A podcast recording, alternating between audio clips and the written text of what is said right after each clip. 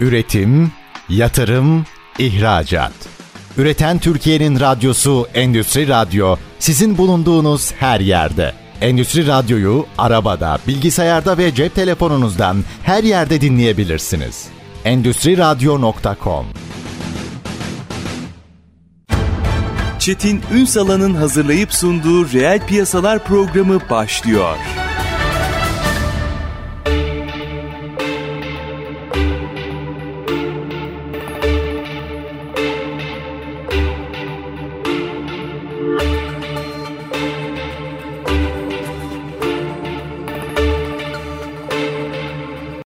Piyasalardan merhabalar. Türkiye'nin gerçek gündeminde birlikteyiz. Efendim bugün konumuz Türkiye'nin de dünyanın da en stratejik sektörü. Hele pandemiden sonra aslında bu genel bir kabul oldu. Zaten öyleydi de genel kabul oldu. Tarım, tarımdan bahsediyoruz ama tarımda işler değişiyor. Yani baktığımızda verimlilik üzerine, teknolojinin daha çok kullanılması üzerine katma değerli tarım kavramı ön plana çıkıyor. Ve buradaki teknolojiyle tarımı adapte ettiğimizde yani dünyanın en yeni ekonomisiyle, teknolojisiyle en eski ekonomisini bir araya getirdiğimizde de ortaya müthiş işler çıkacak. İşte biz aslında bununla ilgili hem genel anlamda hem de bir teknoloji anlamında sizlerle bir konuyu buluşturacağız. Bitki odaklı yapay zeka teknolojisini konuşacağız ve tabii ki tarımla ilişkisini. Bugün bunları kimle konuşacağız? Agriverse kurucusu ve CEO'su Abdullah Duman. Bugün reel piyasaların konu. Sayın Duman hoş geldiniz efendim. Hoş buldum. Çok teşekkür ederim. Öncelikle şuradan başlayalım mı? Yani şu teknolojiyi özellikle öğrenmek istiyorum. O nedir evet. ne değildir. Ya gerçekten aslında biz sakinleşip durduğumuzu evet. dünyanın en eski sektörüyle en yeni sektörünün evliliğinden bahsediyoruz. Biraz sizin bu meseleyi nasıl gördüğünüzü merak ederim. Kesinlikle.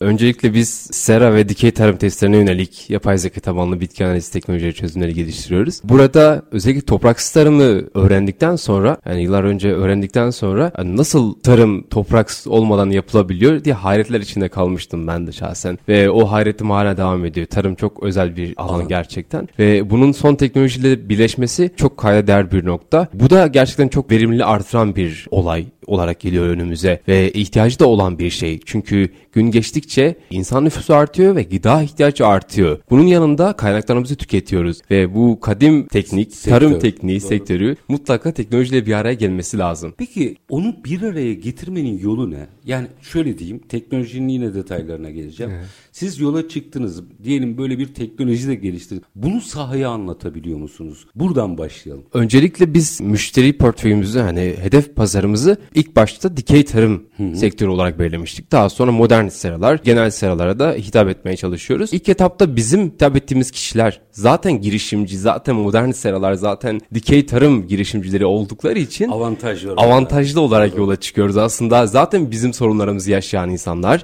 beyaz yakadan işte tarıma dönmüş, teknolojiyi kullanmış, teknolojiye hevesli, son teknolojiye ihtiyacı olan kişiler. Bunlar olduğu için biz o konuda biraz bir tık daha avantajlıydık. Ama genel tabana yayıldığımız zaman, tabana baktığımız zaman mutlaka yıllar boyunca da bu zorluğu çekeceğiz. Yani o tarafa çünkü teknolojiyi anlatmak, adapte etmek gerçekten çok zor. Özellikle Gelenek var sektöründe. çünkü. Evet. Yargılar var değil Kesinlikle mi? Kesinlikle öyle. Ya peki böyle minik minik teknolojiyi konuşmaya başlayalım istiyorum. Nedir bu bitki odaklı yapay zeka teknolojisi? Biraz açar mısınız bize? Tabii. Şöyle, Hatta doğuşundan itibaren ne olur?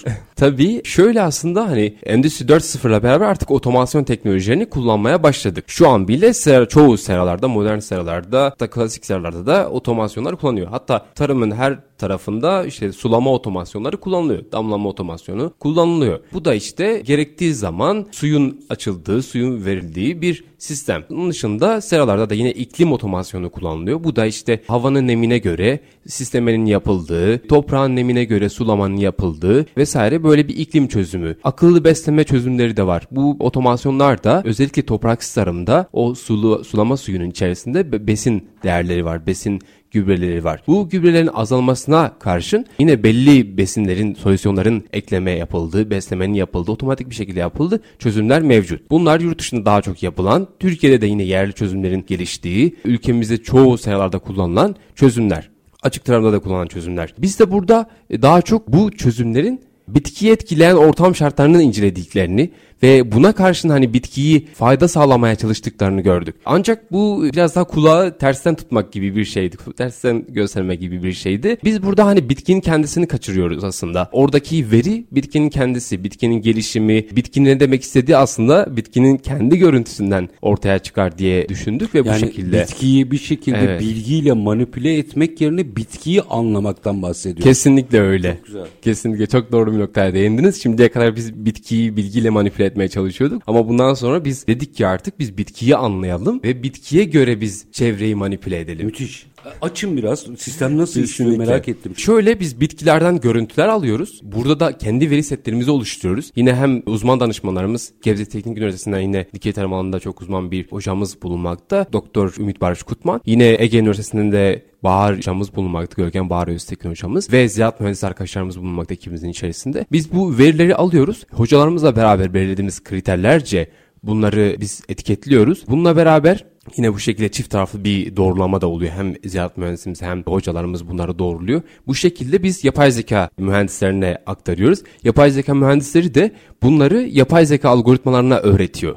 Yapay zeka algoritmaları bunları öğrendikten sonra artık e, kendileri de yeni e, çıktılara göre, yeni görsellere göre kendileri de bir anlam çıkarabiliyor. Sınıflandırma, sıfatlandırma vesaire bunları yapabiliyor. Bu şekilde e, yapay zeka mühendislerimiz de bunları kodladıktan sonra, bunları bir modele, uygun bir modele getirdikten sonra bunların saha testlerini yapıyoruz. Ondan sonra bu veriler bir cloud'da tutuluyor tabii. Bu cloud'da yine kullanıcı dostu mobil arayüzler, web arayüzler, dashboard aracılığıyla da kullanıcıya veriliyor. Bu Ha, pardon şekilde. aplikasyonla çiftçi Evet. Veya sera. Aynen, e, aplikasyonla ulaştırılıyor yani. E, Evet. orada bunu yönetebiliyor. Aynen öyle. Aynen öyle. Müthiş bir şey bu. Peki farklılık çıktı mı? Yani aldığınız bilgileri yapay zeka algoritmasına girdikten sonra şaşırdığınız, farklı ortaya çıkan sonuçlar oluştu mu? Yani şu an en azından gelişimini takip ediyoruz. Onun dışında hani kalitesinde bir farklılık gördük. Burada çünkü biz ne laboratuvarda yaptığımız çalışmalarla e, bitkinin klorofil değerlerini ve diğer ikinci metabolik değerlerini analiz ediyoruz. Onlara göre de bir değer atayıp bir kalitesini ortaya çıkarmaya çalışıyoruz. Yani bu çok şey literatürde çok yoktu yani önümüzde. O açıdan hani bu bir farklılıktı bizim için ve bunu biz kendimiz artık bir kalite parametresi oluşturmaya çalışıyoruz hocalarımızla beraber. Ve bu şekilde oraya hani kamera bu bitkiyi gördükten sonra belli klorofil değerlerinden, öğrendiği klorofil değerlerinden, yeşillik miktarlarından yine belli puanlamalarla bir kalite parametresi oluşturuyor. Ve bu şekilde aslında uzaktan izlemeyle yine bitkilerin analiziyle ortamı daha doğru yönetebilme ihtimalimiz ortaya çıkıyor yani.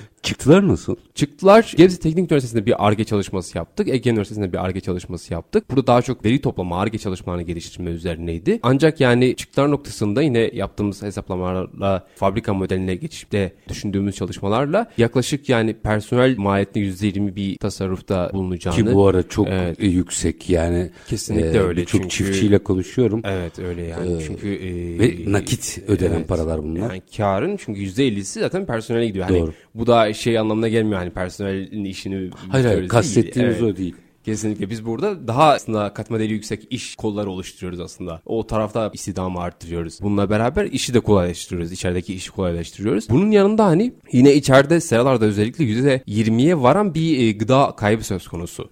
Bunlarla hani 15-20 arasında değişiyor çoğu seralarda. Burada da hani yaklaşık %5 ile 10 arasında bir İyileşme mi oldu? tasarrufun sağlanabileceğini hesapladık. Bunları yine teorik olarak ve yaptığımız ARGE çalışmalarında gördük. Bu şekilde aslında ve bundan sonra da yine var olan üretimden sonra yine hasat sonrasındaki durumda kayıp yine %33'e kadar varabiliyoruz taze sebzelerde. Yani totalde %53 olan FAO tarafından Tarım Bakanlığı tarafından açıklanan veriler totalde %53 üretimimiz kayıp oluyor. Gıda kaybı veya gıda atığı oluyor. Bu %20'si üretim esnasında %33'te üretimden sonra meydana geliyor. Bu da çok fazla üretiyoruz ama çok fazla da kaybediyoruz. Yani oradaki girdileri, oradaki işte maliyetleri, doğal kaynakların kullanımını düşünün. Onların hepsi heba oluyor. Onlar heba olduktan sonra sadece atık olarak da kalmıyor. Bu atıklar yine karbon monoksit gazları, karbon emisyonlarına neden oluyor. Bu yine bize zarar veriyor. Bu açıdan yani en sonunda yine kaybedilen %33 kaybı da kalite eksikliğinden, kaliteyi takip edemememizden dolayı olduğuna düşünüyoruz. Bunda yani en az bir e, %15-20 oranda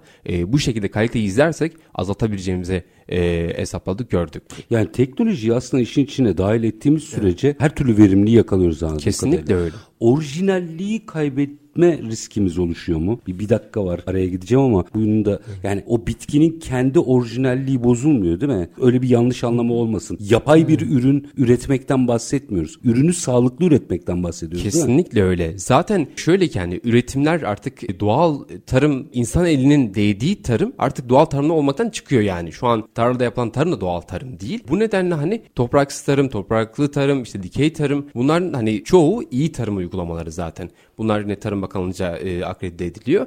E, bizim yaptığımız çalışma zaten onu haricen izlemek ve haricen onu analizlerini yapmak ve yönetimi kaliteyi izlemeyi kolaylaştırmak. İnsan inisiyatifinden ya da hatasından çıkarıyorsunuz. Mesele Evet. bu aslında galiba. Bunları birazcık daha detaylı konuşmak istiyorum. Aslında sizin meseleye bakış açınızı da merak ettiğim başlıklar var ama minik bir araya gidelim. Aranın ardından yine bu teknoloji tarım ilişkisini konuşacağız. Bir bitki odaklı yapay zeka teknolojisi üzerinden bu meseleyi mercek altına alıyoruz. Agriverse kurucusu ve CEO'su Abdullah Duman bugün konuğumuz. Kısa bir ara lütfen reel piyasalardan ayrılmayın.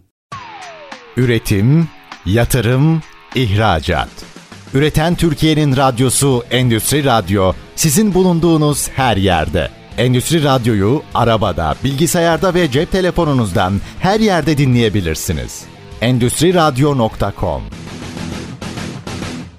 Kısa bir aranın ardından reel piyasalarda tekrar sizlerle birlikteyiz efendim. Bitki odaklı yapay zeka teknolojisiyle tarım ilişkisini, aslında teknoloji tarım ilişkisini konuşuyoruz. Agriverse kurucusu ve CEO'su Abdullah Duman bugün konuğumuz. Şimdi bunun bir özelliği daha var. Dünya ile yarışıyoruz. Yani bu halen geliştirilen bir teknoloji. İşin o boyutunda biraz açalım mı? Kesinlikle. Şöyle yani rakiplerimiz Amerika'da, Danimarka'da, Avrupa tarafında ve Hindistan'da rakiplerimiz var. Ve bunlar da işte Hollanda'da bunlar da ürünleri geliştiriyorlar. Sahalarda test ediyorlar, partnerlikler yapıyorlar. Fabrikalarda bunları test ediyorlar. Ve halen piyasaya çıkmış e, satış yapan bir ürün yok dünyada. Ve e, dünya pazarı çok büyük. Yani örneğin global sera pazarı 35.5 milyar dolarlık bir pazar söz konusu. Yine bunun ki büyüyecek yani %11.6 yıllık birleşik büyüme oranıyla büyüyor. Dikey tarım yine globalde yaklaşık 6.42 milyar dolarlık bir pazar hacmi var ve bu %25.2 yıllık birleşik büyüme oranıyla büyümekte. Çok hızlı büyümekte, patlamakta yani. Ve ihtiyaç doğrultusunda yine bu şekilde büyüyor.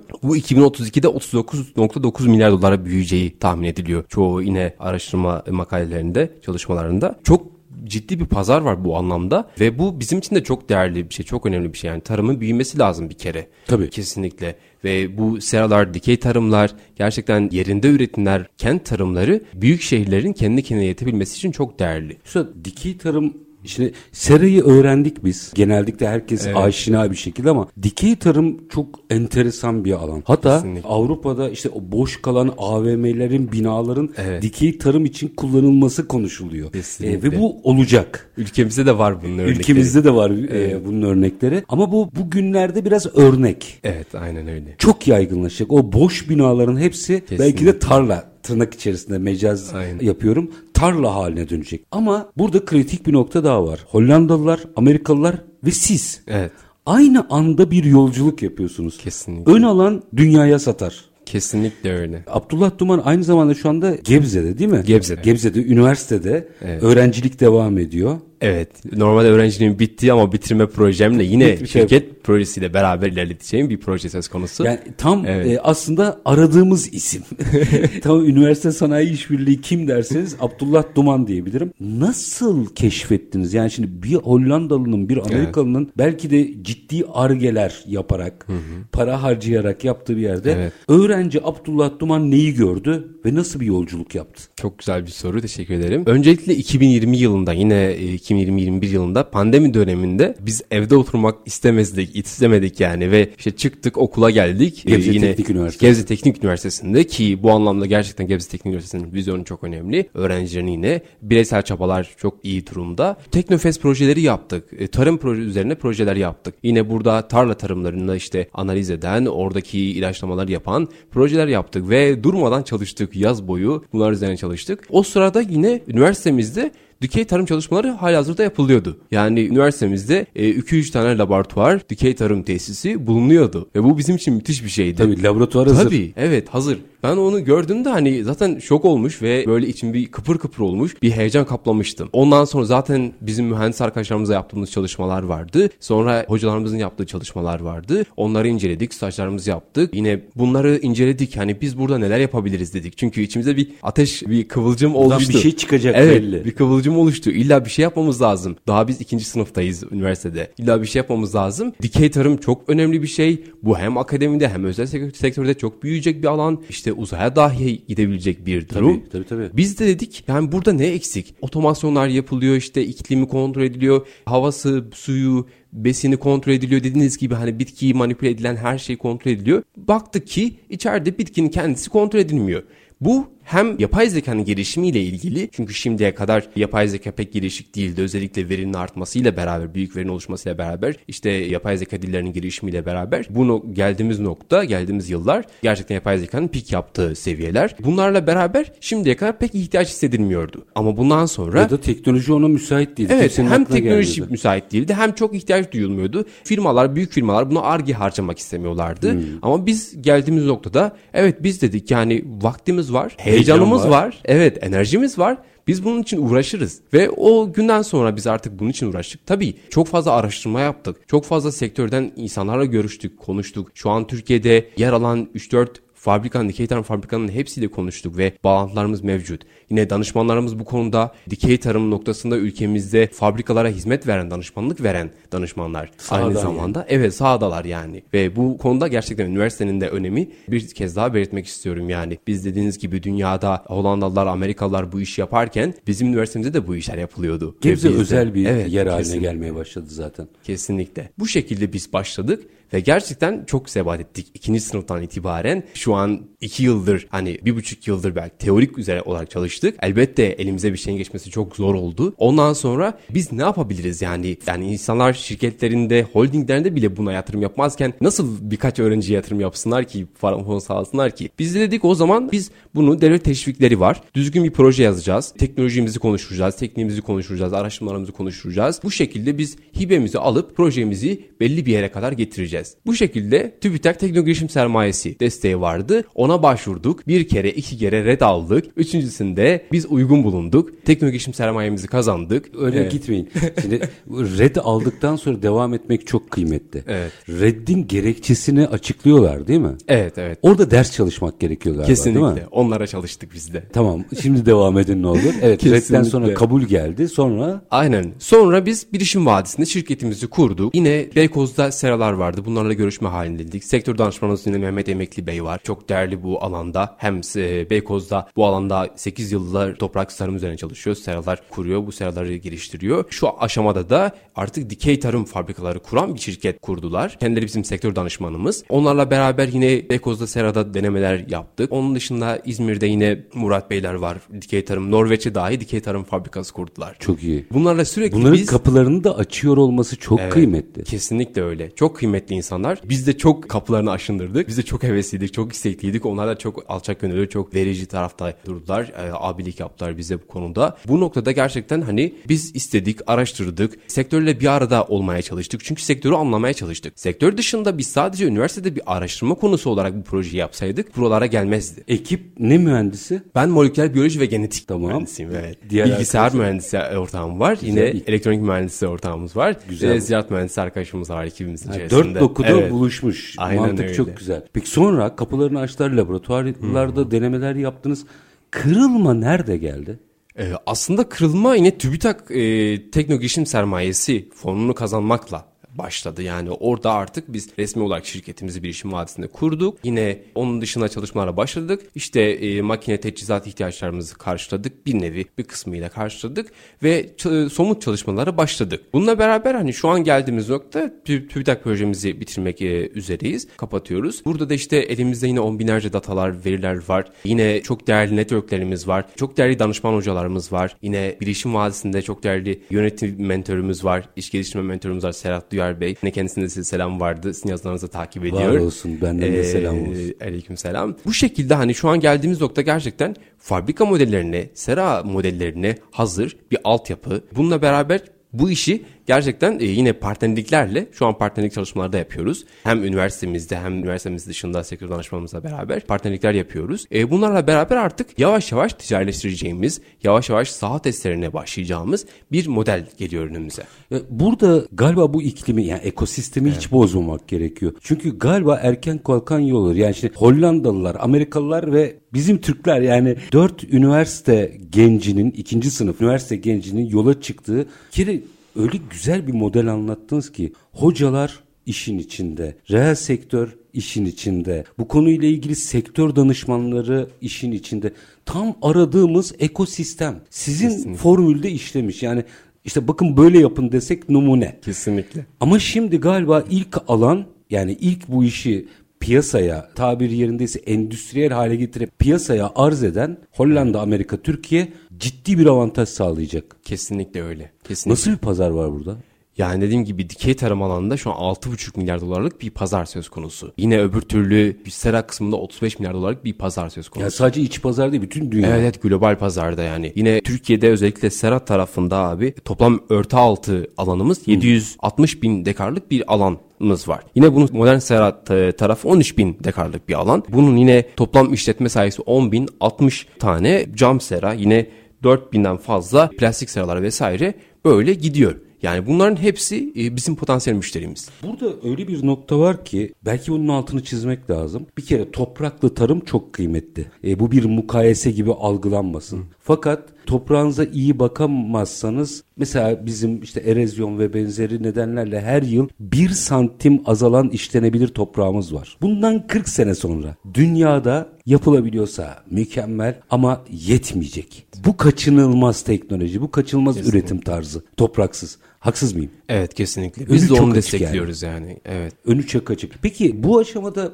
bir girizgah yapacağım ama iki dakika sonra araya gideceğim. Bunu birazcık Evet. ilişim vadisinde olmak nasıl bir şey? Gerçekten yeni kurulan çok değerli bir altyapı ekosistem orası da. Şimdiye kadar hani iki yıldır ben orada bulunuyorum. Şimdiye kadar yine o da doğum sancıları çeken bir ekosistem, büyük bir ekosistem. doğal. Çünkü gerçekten öyle. Ama e, bu sene, bu sene itibariyle gerçekten hem İzmir hem İstanbul tarafı hem Azerbaycan tarafıyla ve merkez kampüsü Gebze olmak üzere çok hızla büyüyen ve içerideki ekosistemin canlı olduğu, içeride sürekli birbiriyle know-how paylaşan bir şirketler topluluğu olduğu olan bir ekosisteme dönüşüyor. Tam bir teknoloji kümelenmesi yani Evet aslında. evet. Teknoloji kümelenmesi ve çeşitli böyle farklı farklı sektörlerde kümelenmeler oluşuyor ve bunlar birbirleriyle networkler kurulması sağlanıyor. Farklı alanlarda çalışan kişiler olarak ortaya yani mutlaka sizin sosyal alanlarınız da vardır. Buralarda da beyin fırtınası yani Evet. herkes laboratuvarının başında çalışır o ayrı ama hikaye zaten bu işin bir ekosistem olması. Kesinlikle. Birbirinizle bunları tartışıyor musunuz? Kesinlikle zaten kuluçka merkezimiz var. Ortak alanı var ve yine ofisler var. Ortak alan sürekli beraberiz zaten. Burada örneğin biz e, kendi sistemimizi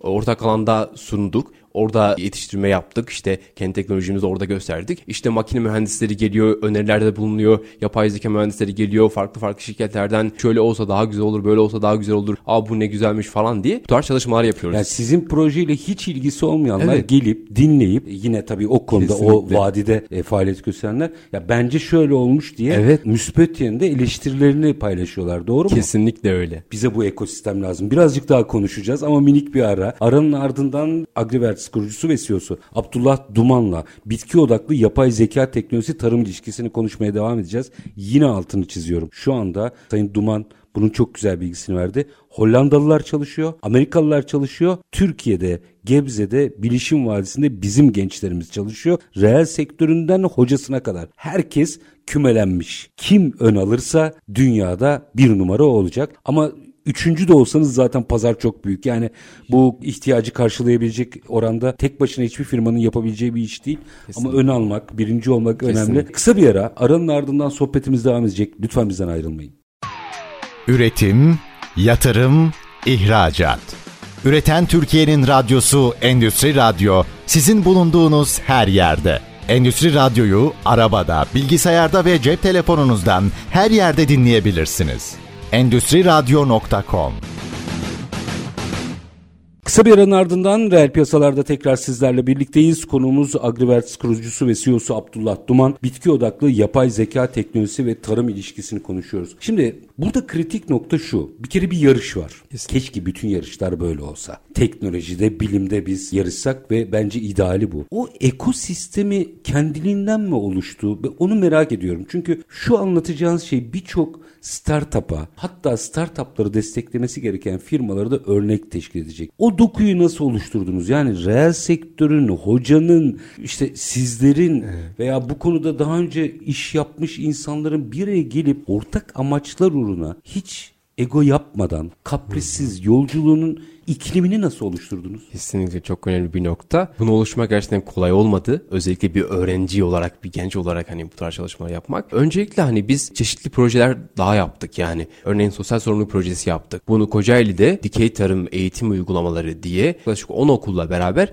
bunun çalışmasını yaptık. Bunu gönüllü bir şekilde hiçbir kar bekleyip gelir Beklentisi beklemeden olmadı. evet ve iki okula da dikey tarım sistemi kurduk. Koridorlarında dikey tarım sistemi kurduk ve çocuklar bunları bitkileri yetiştirdiler.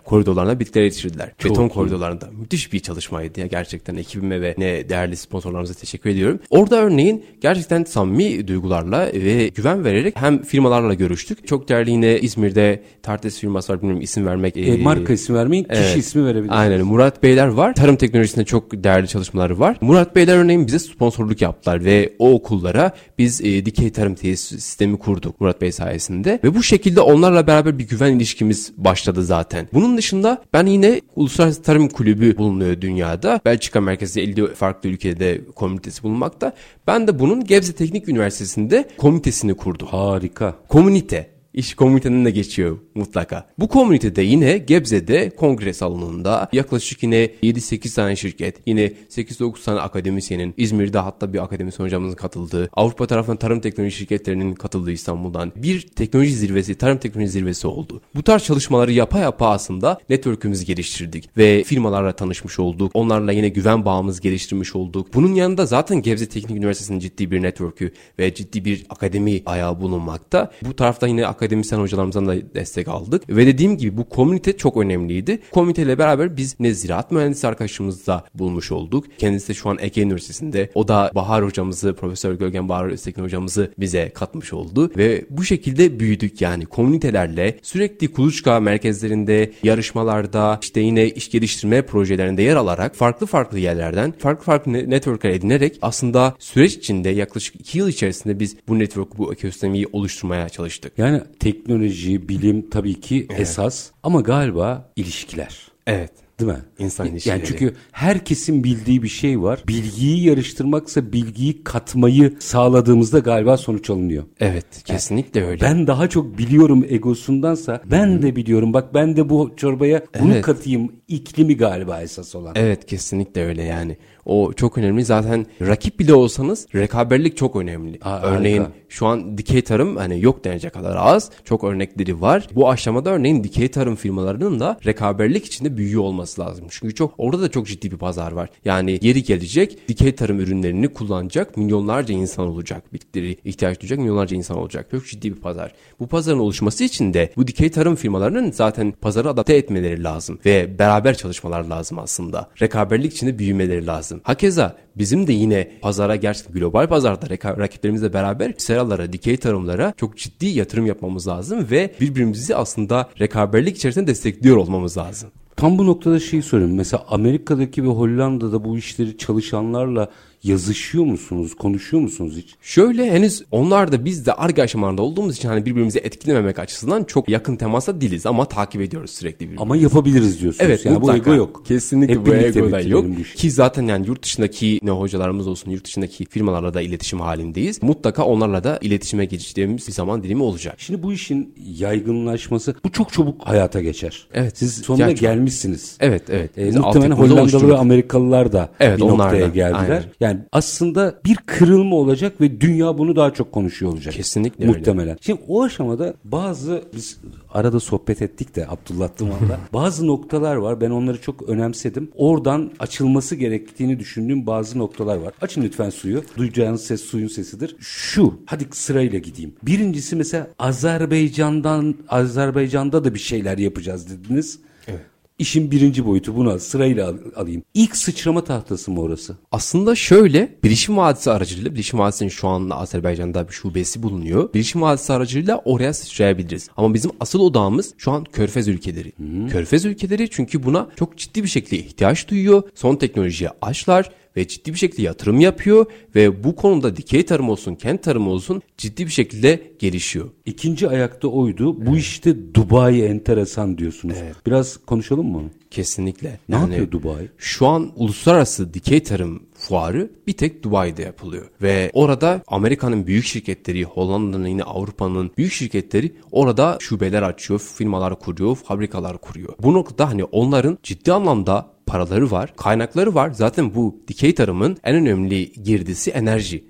Kendilerinde ciddi bir şekilde bir enerji var. Petrol var, doğal gaz var. Bunları da kullanarak gerçekten orada gıdadan gıdada dışa bağımlılığı azaltıyorlar ve bunu tutuyorlar. Yani en büyük kullanıcılardan biri olacak aslında. Pazarlardan Evet, biri Körfez Körfez, ülkeleri. Anladığım kadarıyla. İşte tam bu noktada üçüncü dikkatimi çeken İstanbul Ticaret Odası'nın İstanbul Kalkınma Ajansı'nın vesaire TOB'un daha doğrusu tabii İstanbul Ticaret Odası demeyeyim de milli katılımları oluyor. Orada enteresan bir şey söyledi Abdullah Duman. Tarımla ilgili de bunu yapmamız lazım. Yani milli katılımlarla oralarda olmamız lazım. Bu konudaki ihtiyacı biraz açar mısın? Kesinlikle çok değerli hani İstanbul Ticaret Odası'nın TOB'un yaptığı işte CSS fuarına İstanbul Kalkınma aynen, Ajansı'nın e, gönderdi mesela e, çoğu girişimler. Bunlar içinde tarım girişimleri de vardı. Arka değerli arkadaşlarımız Ama da vardı. kastettiğiniz o değil. E, evet, Sırf tarım, Sırf tarım kümelenmesi kesinlikle öyle. Örneğin Dubai'de bir tarım teknolojisi fuarı mı yapılıyor? Asya'da bir tarım teknolojisi fuarı mı yapılıyor? Sırf buna Türkiye'de zaten sayılı var olan tarım girişimcilerini toplayıp bunlara göndermek gerekiyor gerçekten. O etkileşim çok fark ediyor mu? Hangi etkileşimden Yani gittiniz bir Evet. tabii şimdi fuar ayrı bir şey Evet. ama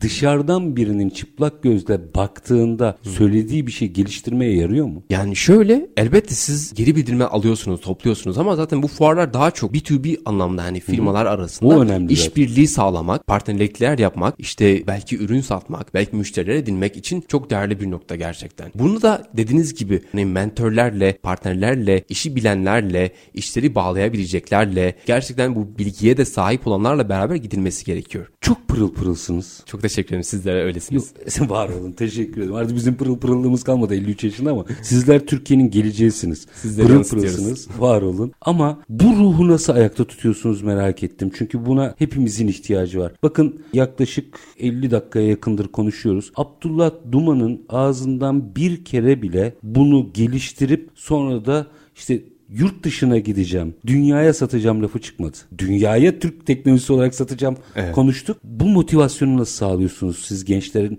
Bu motivasyona bizim ihtiyacımız var. Gerçekten öyle. Burada yaşadığımız ülke bizim. Gerçekten elimizden geleni yapmamız gerekiyor. Ve güzel imkanlarımız da var. Çok imkansızlıklar içerisinde de olsa. Yani biz aslında tarım ülkesiyiz. Yani yıllarca tarım ülkesi olmaktan utandık ve geri durduk. Maalesef. Sanayi ülkesi dedik kendimize ama halbuki işte e, sanayi devrimini yakalamış geçmiş e, bunu yaratan Avrupa ülkeleri falan e, tarımda öncüler. Hollanda Birinden biri öncü. olmanız gerekmiyor. Tarıma Gerekmiyor entegre da evet kesinlikle öyle. olun. Kesinlikle öyle. Ama şu an geldiğimiz noktada yani biz bu tarımı nasıl diyeyim geri plana atmamızdan çok üzgünüz yani bu konuda. Bu noktada biz hani son teknolojiyi de tarımla kullanarak gerçekten ülkemizi çok değerli bir noktaya getirebileceğimize inanıyoruz. Bunun için de gerçekten elimizden geleni yapmak istiyoruz gençler olarak ve ben şahsen hani gençleri de yine bu alanı çekmek çok da kolay değil. Ben buradayım evet ama tüm gençler burada değil ve konu yaptığımız komünite çalışmalarla beraber de hani çok zorlandı gerçekten. Ama hani gerçekten bir şeyleri fark ettiğimizi gördük. Yani bu alana hem enerjimizi hem işte hayatımızı adamanın gerçekten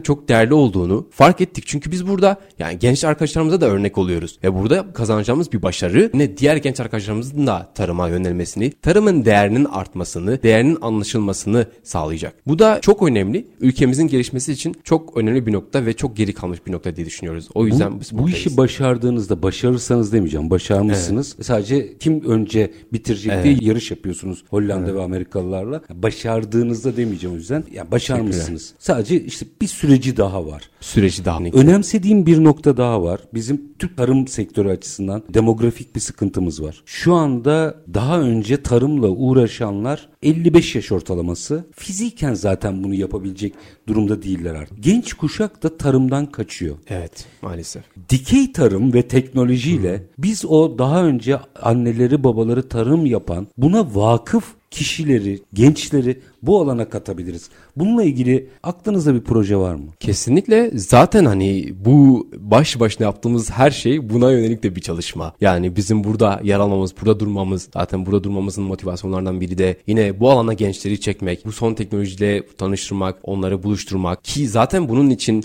biz daha önce Kocaeli kapsamında yaklaşık 10 lise ile beraber dikey tarım uygulamaları eğitimleri yaptık ve bu iki liseye de bu tesisin kendisini kurduk. Küçük bir tesis ve gençlerin o dikey tarımı gördüklerinde yaşadıkları heyecan, yaşadıkları işte o şok etkisi müthiş bir şeydi bizim için. Çok değerliydi. Bu yüzden hani bu çalışmalar yaparak aslında hem okullara bunu indirgerek, indirgeyerek hem de sahada bunu tanıştırarak gençlerle gençleri bu alana çekeceğimize inanıyorum. Hatırlıyor musunuz? Bizler ilkokuldayken fasulye yapardık Evet. pamuk, pamukta. Pamukta fasulye yapardık. Aynen öyle. Yıl 2023 bu iş ete kemiğe bürünmüş. Evet. Bizim gençlerimiz topraksız tarımda tarımı konuşuyor. Bu konuyla ilgili teknolojiyi üretiyor. O yüzden ilkokullara, ortaokullara gidip o gün pamukta yapılanı bugün başka bir formülle, teknolojiyle yapıyor olmak çok kıymetli.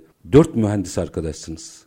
Dört Evet. değil mi? Bir daha sayar mısınız branşlarını? Bilgisayar mühendisi, moleküler biyoloji ve genetik, Siz? elektronik mühendisi ve ziraat mühendisi. Tam bir güç birliği değil mi? Bütün bu yolculuk içerisinde icat çıkarma diyen olmadı mı? Tabii ki oldu. Bunu anlamayan çok oldu. Ama dediğim gibi hani başka motivasyonumuz da aslında kaynaklarımız tükeniyor ve gelecek için olan kaynaklarımız tükeniyor ve bugünkü insanlarımızın çoğu bu kaynakları tüketmeye ve bilinçsiz bir şekilde işte tarım yapmaya devam ediyorlar. Ve burada tatlı su kaynaklarımızın %70'i kullanılıyor, harcanıyor ve yine çıkan üretimin %53'ü yok oluyor ve bunlar yine karbon emisyonu olarak bize geri dönüyor ve bunlar bizim geleceğimizi tehdit ediyor aslında. Biz aslında geleceğimiz için endişeliyiz. O yüzden bu tarz çalışmalar yapıyoruz. Atatürk ne güzel demiş değil mi? Bütün ümidim gençliktedir diye. Kesinlikle. İşte biz bugün genç bir mühendisi, dört mühendis arkadaş olarak bir araya gelip reel sektörüyle, hocalarıyla, ekosistemiyle, bilişim vadisiyle, ortadaki ekosistemle Hollanda ve Amerikalılarla eş zamanlı dünyaya sunulacak bir teknolojiyi, bitki odaklı yapay zeka teknolojisini ve tarım ilişkisini konuştuk. Agriverts kurucusu ve CEO'su Abdullah Duman. Çok teşekkür ediyorum. Çok umutlandım ve çok gurur duydum bir Türk genciyle bu programı Ben yapmaktan. çok teşekkür çok ederim. teşekkür ediyorum. Çok teşekkür ederim beni buraya çağırdığınız için, derdimizi anlatabildiğimiz için. Çok değerli. Umarım tüm genç arkadaşlarımız yine bu alanlara ilgi duyarlar. Bu alanda bir şeyler yapmaya çalışırlar. Tüm insanlar bu dünyanın kötü gidişatına karşı elini taşın altına koyarlar. En ufak da olsa bu tarz çalışmaları desteklemek bile olsa bunu yaparlar umuyorum. Estağfurullah var olun. Ayaklarınıza, emeğinize sağlık. Şunu da açık çek olarak vereyim. Bu radyo, bu programın kapıları size her zaman açık. Çok Yeter ki üretmeye devam edin. Çok teşekkür ediyorum. Çok sağ olun. Var olun. Efendim biz bugün bitki odaklı yapay zeka teknolojisiyle tarımı Agriverts kurucusu ve CEO'su Abdullah Duman'la sizler için konuştuk. Takdir sizlerin. Biz her zamanki iyi bitirelim. Şartlar ne olursa olsun paranızı ticarete, üretime yatırmaktan, işinizi layıkıyla yapmaktan ama en önemlisi vatandaş olup hakkınızı aramaktan vazgeçmeyin. Hoşçakalın efendim.